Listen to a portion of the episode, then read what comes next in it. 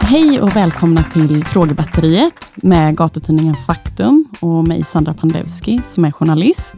Framför mig här så har jag 200 frågor ungefär som Faktumförsäljare har skrivit och det är frågor som de tycker är intressant att ställa till människor oavsett vem det är. Men just idag så har vi musikmakarna Stina Velocet och Kapten Röd här. Stina är artist, låtskrivare, producent. Hon kommer från Göteborg och har verkat både på den svenska och internationella hiphop och reggae-scenen sedan början av 2000-talet. Både i olika grupper men också som soloartist. Och senast med plattan Nio liv, där även låten Ska det vara så här var med och blev lite av en metoo-anthem kan man säga. Kapten Röd är liksom Stina, verksam inom reggae-scenen, rappare och är också producent. Fick en hel del uppmärksamhet nu senast för eh, Hundralappen, som var en Sverigeturné där just konsertbiljetterna kostade endast 100 kronor. Eh, och spelningen på Slottsskogsvallen drog över 20 000 i publik och blev ett livealbum, men också en dokumentär som finns på Youtube. Välkomna! Tack så mycket. Tack så mycket. Underbart! Vilken grym presentation. Och du läste nästan inte alls från telefonen såg det ut som heller, utan det var i huvudet. tackar, tackar. Ja. Eh, och jag kommer kalla dig det som du heter, Björn. inte är Kapten Röd. Snälla. Björn. Bra. Då har vi kommit överens om det och Stina kör vi på. Mm, jättebra. Så de här frågorna, jag kommer köra varannan. Eh, och sen om det är någon fråga som du får Björn, som Stina också vill svara på, så är det bara att hoppa in. Man kan hjälpa varandra lite också kanske. Om man får hjärnsläpp. Absolut. Björn, har du något ändamål som du stödjer regelbundet eller skänker pengar till? Ja, jag brukar, jag brukar, eh, hur ska man säga, hamna i ganska många sådana här eh, autogiron. Eh, Jag är väldigt Eller vi benägen. båda gjorde ju det nyss, kollade. Jag är väldigt, ja men exakt. Jag är väldigt, jag vet inte, jag gillar att prata med människor och när det kommer fram människor och börjar prata med mig så eh, tycker jag det är kul. Och då, när, så att när det kommer fram folk från Plan International eller Amnesty eller UNHCR och vilka har det varit med? Det var, var, vi de och tre och sen nyss. typ Rädda Barnen och Och Faktum köper jag alltid. Och eh, Naturskyddsföreningen. Men det är ju ingen månadsautohyra. Men ja, vi hade väldigt många i alla fall. Ja, precis. Jag kände mig lite fattig. Jag bara, nu får vi välja ut några. Ja, men precis. Att jag, jag brukar skänka till en hel del sådana. Det låter det verkligen som. Svarar jag på den frågan? Ja, och också om det dyker upp sådär på tv eller på sociala medier, om det är en kris, då är jag också jätte, liksom, om man ser en som bara det här händer nu, vill du skänka 500 kronor? Så jag bara, ja, det kan jag ju inte, inte med att göra om jag har det. Stina, hur ofta klipper du dig? Oj. ehm, kanske två, tre gånger per år. Har du någon sån här frisör som du alltid går till? Ja, jag går till Jolin på Kolla kolla. På Andra lång. Så det, ibland brukar jag fråga henne, när får jag komma nästa gång? För att jag vill inte gå för, off, eller liksom, för ofta. Men jag går inte så ofta som hon säger att man får. Eller, Nej, det är lite snål. Men det är rätt svårt att få tid där. Jag går också dit. Jag har så här väntat ett halvår. Ja, jo, men det är, och det är på ett sätt bra då för plånboken. Vad roligt att ni gick till samma. Björn, festar du mycket? Och jag pratade precis med en vän om det nu på idag, på morse, i morse, att jag tror min generation, eh, jag är född 83, att, att jag brukar nog ändå göra liksom en grej per helg. Alltså festa, det behöver inte vara festa, men det handlar nog mer om att, jag vet inte, vi har, vi har småbarn, eller inte småbarn, men sex, åtta. Och eh, det just den där, att, att en gång per helg få liksom släppa ansvar och gå in i en bubbla, kanske göra musik, men om det är sitta och göra musik med en kompis till jättesent och dricka några folk, eller om det, eller om det är, ja, det är nog det som är som festa i så fall. Men just att göra det en gång i veckan, känn, jag vet inte, det, börjar, det känns lite konstigt. Vi pratade om det, att det är konstigt att man verkligen vill göra det en gång i veckan alltid. Det har liksom alltid varit så. Ja, precis. Jag tror inte att yngre generationer nu gör det på samma sätt. Att man måste liksom få släppa lös en gång i veckan. Jag vet inte. Men om man jämför med förr i tiden så festar ju vi inte mycket. Om man så tänker på hur det var innan. Exakt, nej, men förut när vi har, liksom, vi har spenderat så himla stor del av livet att åka runt och spela varje helg. Och då är ju det, det har ju liksom ingått alltid. Eh, Sen så, sen så, ju mer vi började spela så började det bli väldigt, för mig var det väldigt svårt. Jag, jag kan inte festa och sen spela dagen efter, då blir jag hes. Så att om man till exempel har en spelning på torsdagen och så ska man spela lördagen, och eller fredagen och lördagen.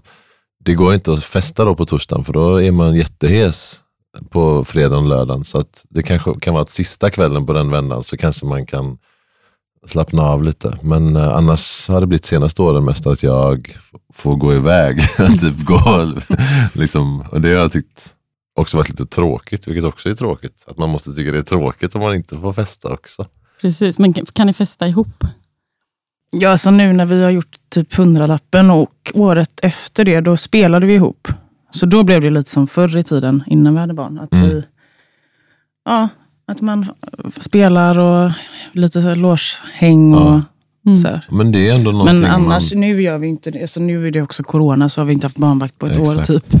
men, men liksom, Och vi spelar ingenting. Men eftersom att vi spelar tillsammans annars så det är ju ändå något speciellt. Alltså att gå upp på scen inför massa tusentals människor så är det massa energier och det är liksom massa adrenalin. Och sen när man kommer av där och ska landa från det, det är någon form av konstig eftersvallningar där som är inte helt okomplicerade att ta hand om. Det, det vet jag många säger som spelar mycket att om man inte dricker någon öl eller så efteråt så kan man liksom ligga vaken hela natten och vara uppe i det. Um, Jag Mm. önskar att det inte riktigt var så, men det måste nog vara ärlig och säga att så har det ändå varit mycket. mm. Stina, vad tycker du att man ska göra för att bekämpa djurplågeri? så skrattar Alltså, när jag var yngre så var jag mer liksom så engagerad i djurens rätt och så. Eh, men det kan jag inte påstå att jag är nu.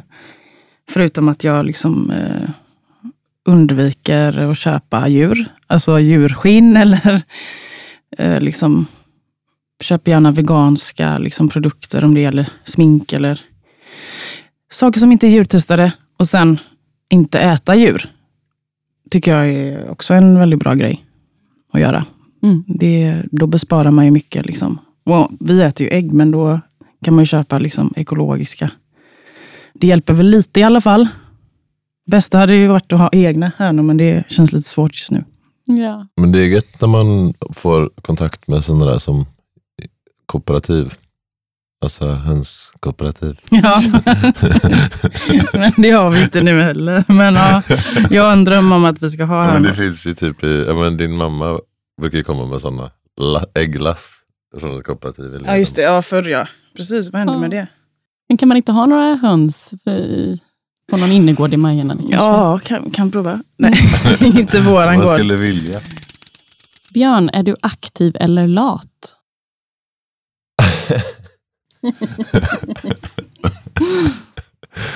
Alltså jag är väldigt mycket lat, men jag är också väldigt mycket aktiv. Men det är, mm, jag är verkligen sån i min personlighet att, att jag går igång och brinner för ett projekt och jag tycker det är liksom världens roligaste att köra det jättemycket.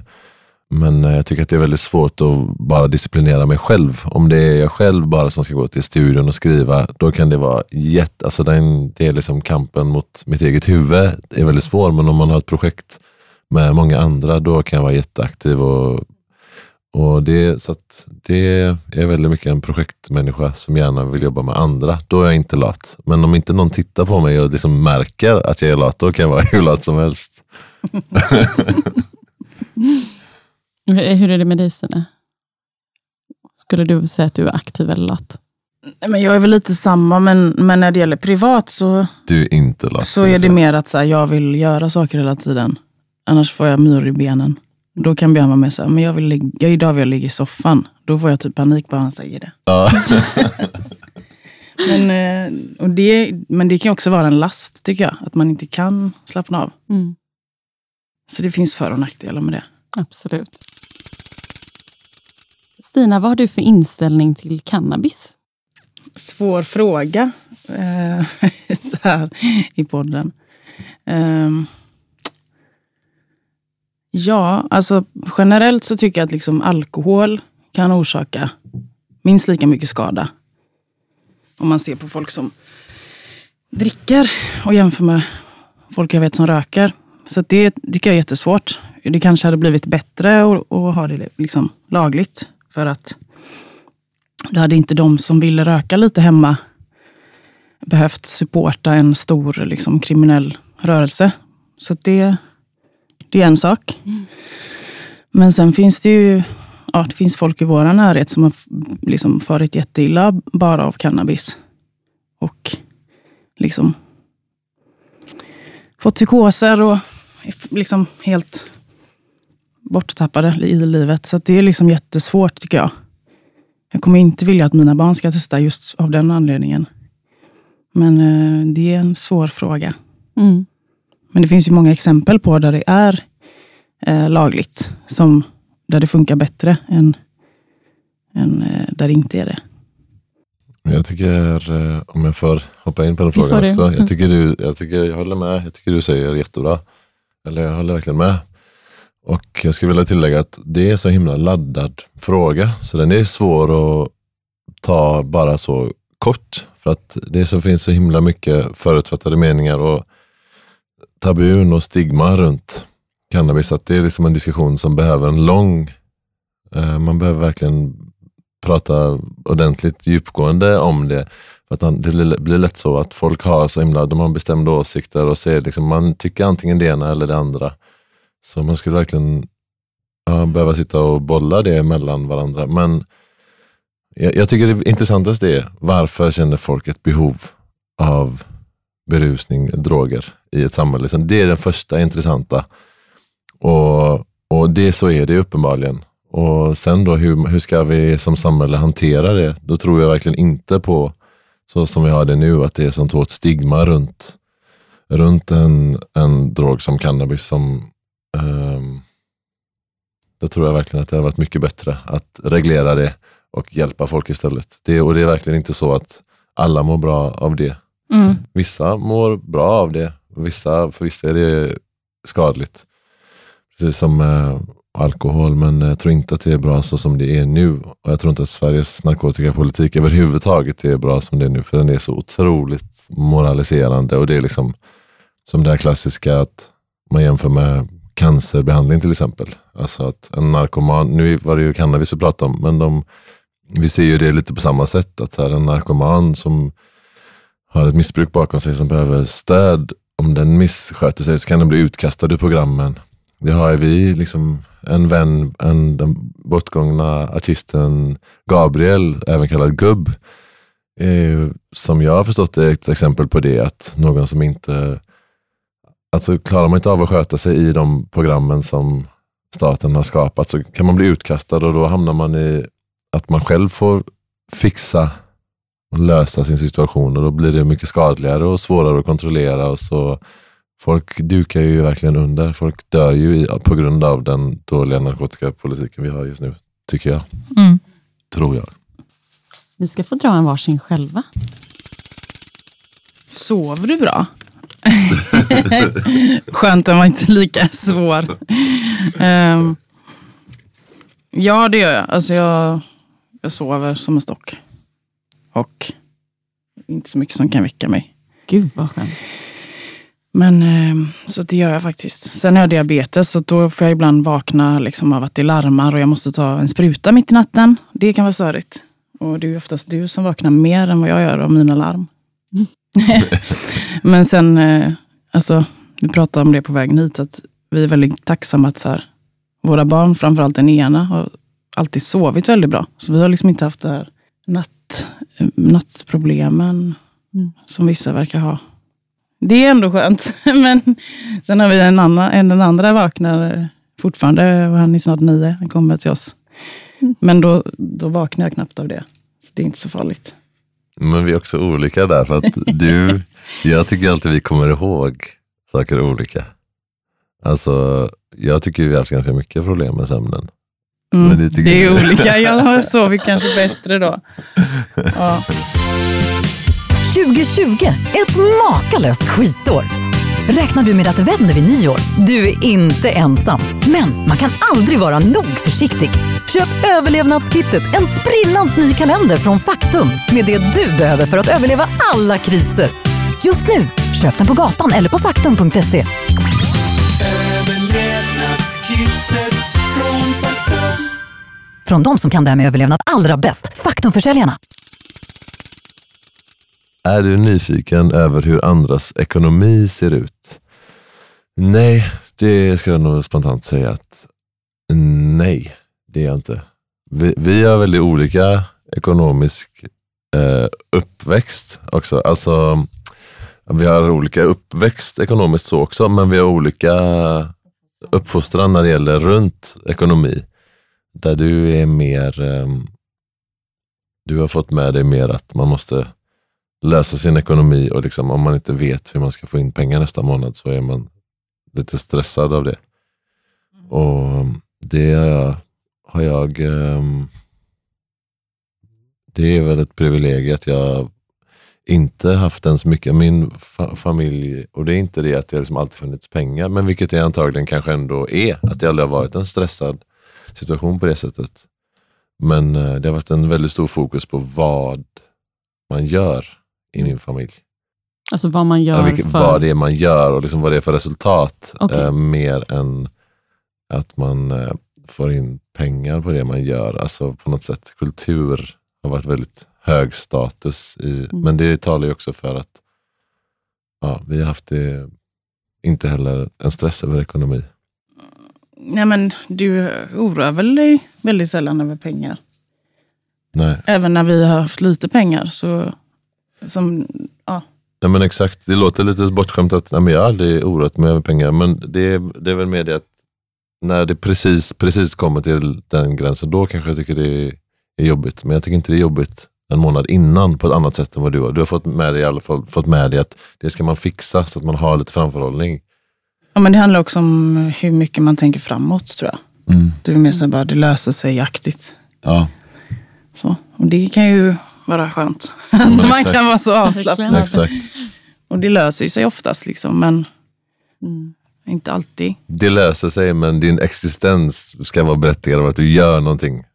Fan, så typ har det varit mer för mig. att säga bara, okej, det löser sig men du ska också berättiga din existens med, genom att du gör någonting Prestation som då, är prestera. Ja, exakt, prestera någonting.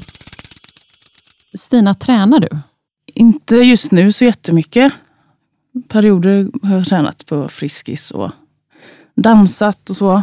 Men sen har jag alltid försvarat mig lite med att så här, men jag spelar så himla mycket och då, det blir också en ansträngning man gör. Mm. Men eh, nu, det här året, så tycker jag det är så här segt. Men jag gör en del yoga. Det är väl typ det jag gör just nu. Kul. Björn, tränar du något?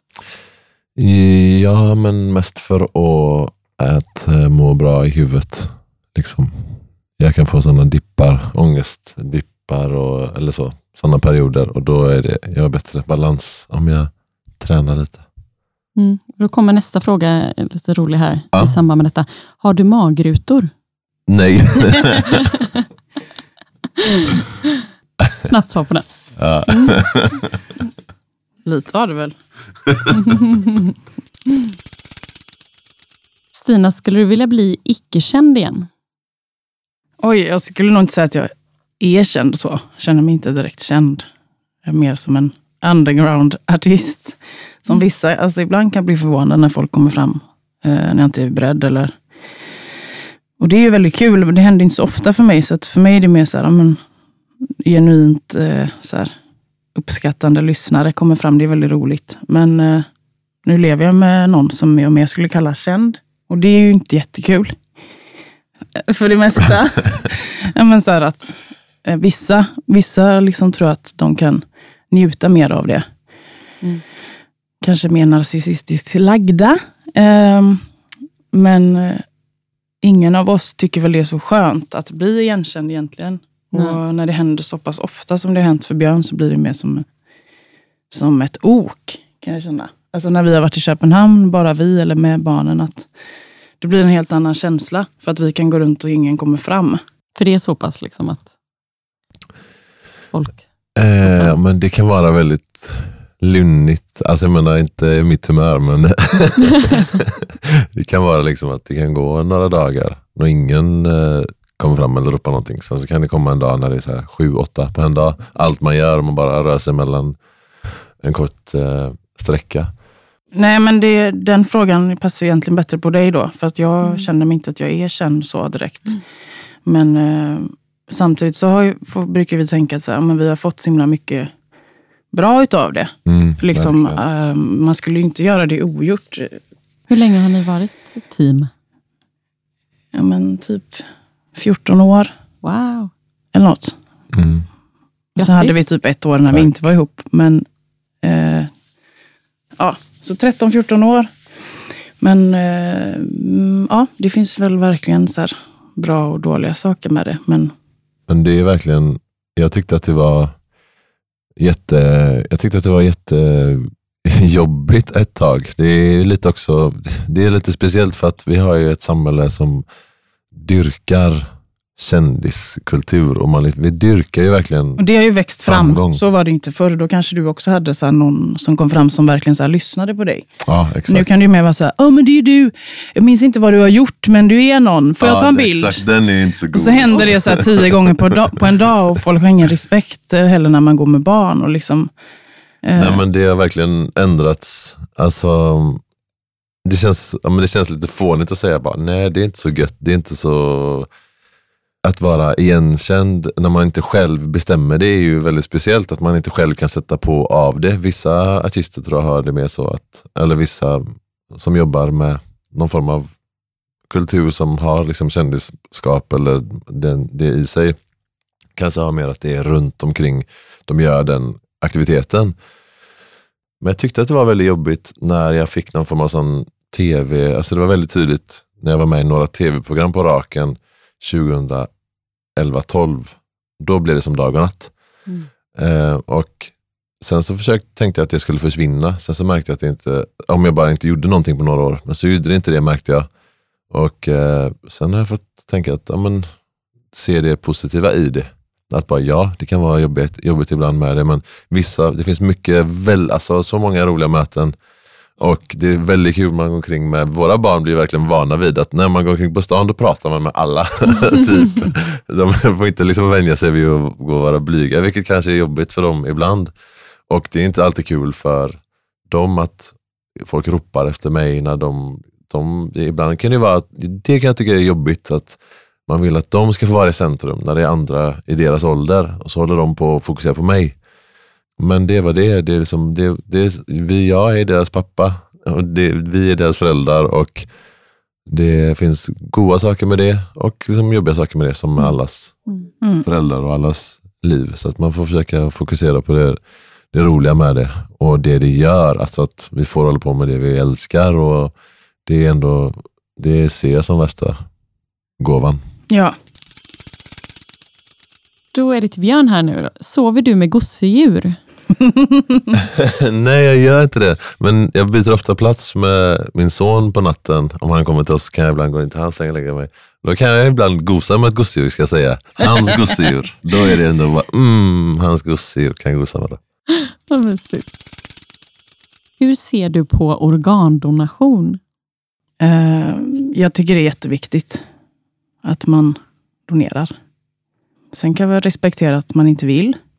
Men eh, jag kommer göra det om jag har chansen. Även om jag tror på livet efter detta. Eller liksom jag tror på att man kanske föds på nytt. Liksom. Det låter ju Mm. skitflummigt. Men jag, jag skulle ändå vilja donera mina... Då tror jag inte att det är samma kropp som, Nej. som jag ska ta med mig någonstans. Så att jag skulle gärna vilja donera mina organ. Och vi har många i vår närhet som har transplanterade organ. Och liksom, de hade inte kunnat leva idag om inte det var för det. Så att det tycker jag är superviktigt. Mm. Och då kan jag ju tillägga, om det är någon som har njure över kan de ju höra av sig för jag behöver den inom ett eller två år. Är det så? Ja, det behöver jag. Men jag vet inte vilken blodgrupp jag har. Så att det var ett skämt. Men, Ja, men eh, ändå. så är det. Vi har det i våran släkt. Mm. Så slutar de fungera. Men hur är det att få, ta, eh, få tag på en njure? Är det svårt? Ehm, jag tror att det är väl de vanligaste, do- alltså de vanligaste, vanligaste transplantationerna är inom familj. Att det är familj som skänker eller att det är olycksfall Mm. där eh, den olycks, för, för, ol, förolyckade, vad säger man? Precis. Förolyckade Mm. ehm, har gått med på att skänka. Och då kan man ju ibland vänta flera år. Men har man tur så slipper man liksom Mm. vänta och stå i kö. Och... Exakt. Hoppas att du hittar din njure. Ja, Ja. det går nog bra. Hur politiskt engagerad är du, Björn? Inte alls så mycket som jag skulle vilja vara, verkligen. Eh, Mina för- föräldrar var väldigt eh, politiskt aktiva och är faktiskt. Jag är superstolt över att min pappa har blivit eh, aktiv på senare år i Vänsterpartiet. Det tycker jag är superinspirerande. Det är häftigt och eh, jag önskar att jag skulle vara mer aktiv själv. Eh, Men ja, så det är inte så mycket som jag skulle vilja. Är han pensionerad nu då? Är det därför han har... Sådär halv, Ja. som känns som att många är. Att de är kanske pensionerade men de är vana vid att arbeta och tycker att det är kul och vill fortsätta göra det. Så att han, nej, han är inte pensionerad. Är han inte. Ja. Men det beror också på vad man menar. Menar man så här partipolitiskt? Eller tänk, liksom, Precis. båda vi brukar vara- ändå säga, ja, men vårat sätt är att eh, skriva Ja. texter. Eller liksom hundralappen tycker jag är också en politisk aktion. Att, att Absolut. så här, folk ska ha råd med kultur. Och, Ja, Så men det beror lite aktiva på i det vi gör är, så blir det det. politik. Alltså, jag tror verkligen att det, är politi- att det personliga är politiskt. Men eh, också, men också hur insatt och liksom hur inläst, alltså hur kunnig man är om politik. Där känner jag ett komplex gentemot mina föräldrar eller sådär. Jag vet Mm. inte. Att jag värderar det väldigt högt när folk kan mycket om politik. Det tycker jag är härligt. Jag skulle vilja kunna mer. Men som du säger, vi gör ju saker som Mm. är på sitt sätt politiska. Eller? mm. Snarkar du, Stina? Nej, det gör jag inte. Det är kanske egentligen Björn jag ska fråga det, men Det gör den inte. Snarkar Björn? Nästan aldrig. Nej. kan hända någon gång, jag vet inte varför. Om man är väldigt, väldigt trött kan man väl snacka. Ja, Eller man och man. Man Kanske ligger på jag. rygg lite extra. ja men typ aldrig. Exakt. Björn, har du torgskräck? Jag vet att det kostar på för mig att vara bland väldigt mycket människor. Jag blir ofta på dåligt humör efteråt och eh, mycket sämre förälder än vad jag var innan jag var på torget.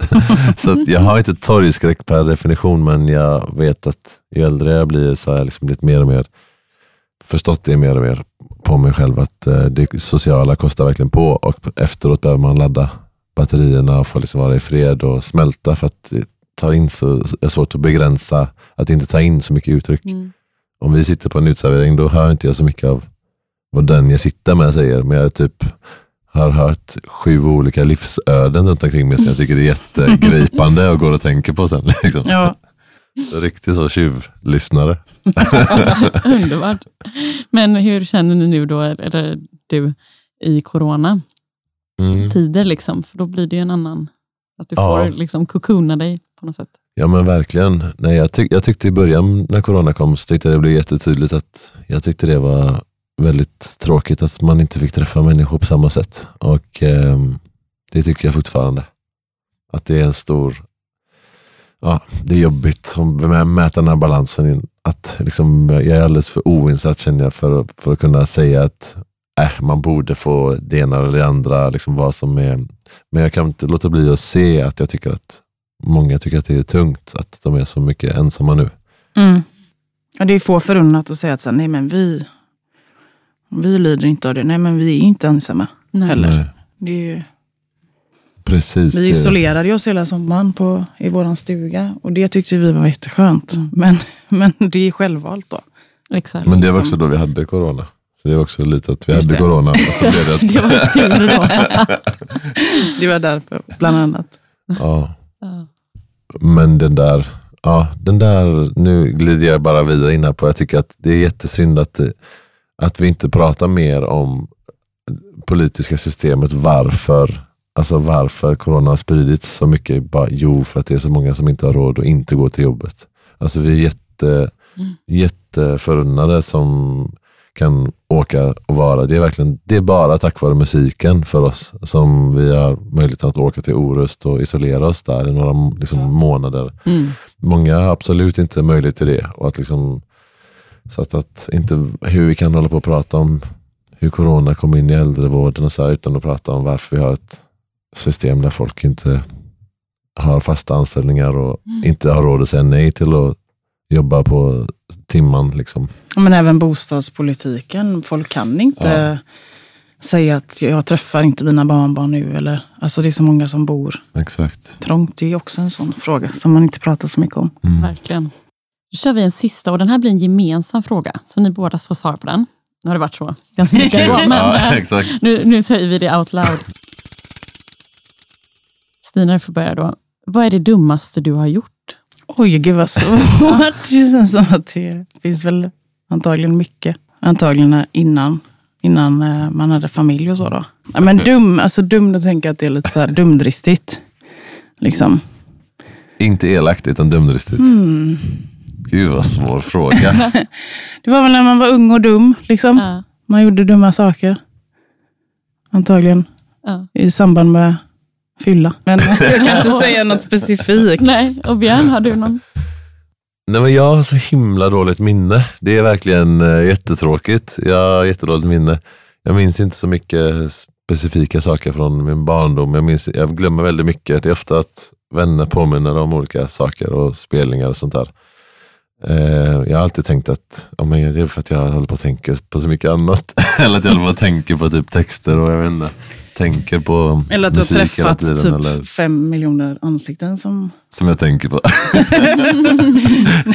Men det är ju smidigt i det här fallet. Då. Glömma de dumma grejerna. Liksom. Precis, men jag är också ödmjukt medveten om att man verkligen alltså, glömmer bort jobbiga saker med vilja, förtränger saker. Mm. Spontant sådär bara, så kan jag känna, ja men ja, jag kan minnas tillfällen, ja, jag tycker, ja, men gånger då jag känner att jag har varit elak mot en vän. Det är liksom sådana såna kan jag minnas och gräma mig över. Eh, även om vi är vänner nu. Och det, och det är alltså allt ifrån när vi gick i mellanstadiet och vi helt plötsligt fick för oss att en av våra kompisar inte var liksom snäll. Sen är vi kompisar men, och alla var jätteoschyssta mot honom en gång. Mm. Till eh, en nära vän nu som jag tyckte att jag inte liksom fanns där för riktigt när han hade det jobbigt, när han blev lämnad av sin käresta. Och sådana där saker är nog sånt som jag kan gräma mig om, gräma mig över och tycka att jag var dum. Ja. Vi säger så. Ja. Tack så jättemycket för att ni var med i frågebatteriet. Tack för att vi fick. Tack, det var roligt. Jättekul. Vad bra. Ni har nu lyssnat på gatutidningen Faktums podd Frågebatteriet. Ett stort tack till Wallenstam som har bidragit med 470 kronor per fråga. Och det ger oss en total på 8 000 kronor till Faktums försäljarfond. Tack! Eh, detta avsnitt är inspelat av Daniel Medin på Ljudbyrån i Göteborg. Och musiken den är som vanligt skriven av Joel Eriksson. Skulle det vara så att ni vill sponsra oss eller har andra frågor så hittar ni oss på faktum.se. Ha det fint! Hej då!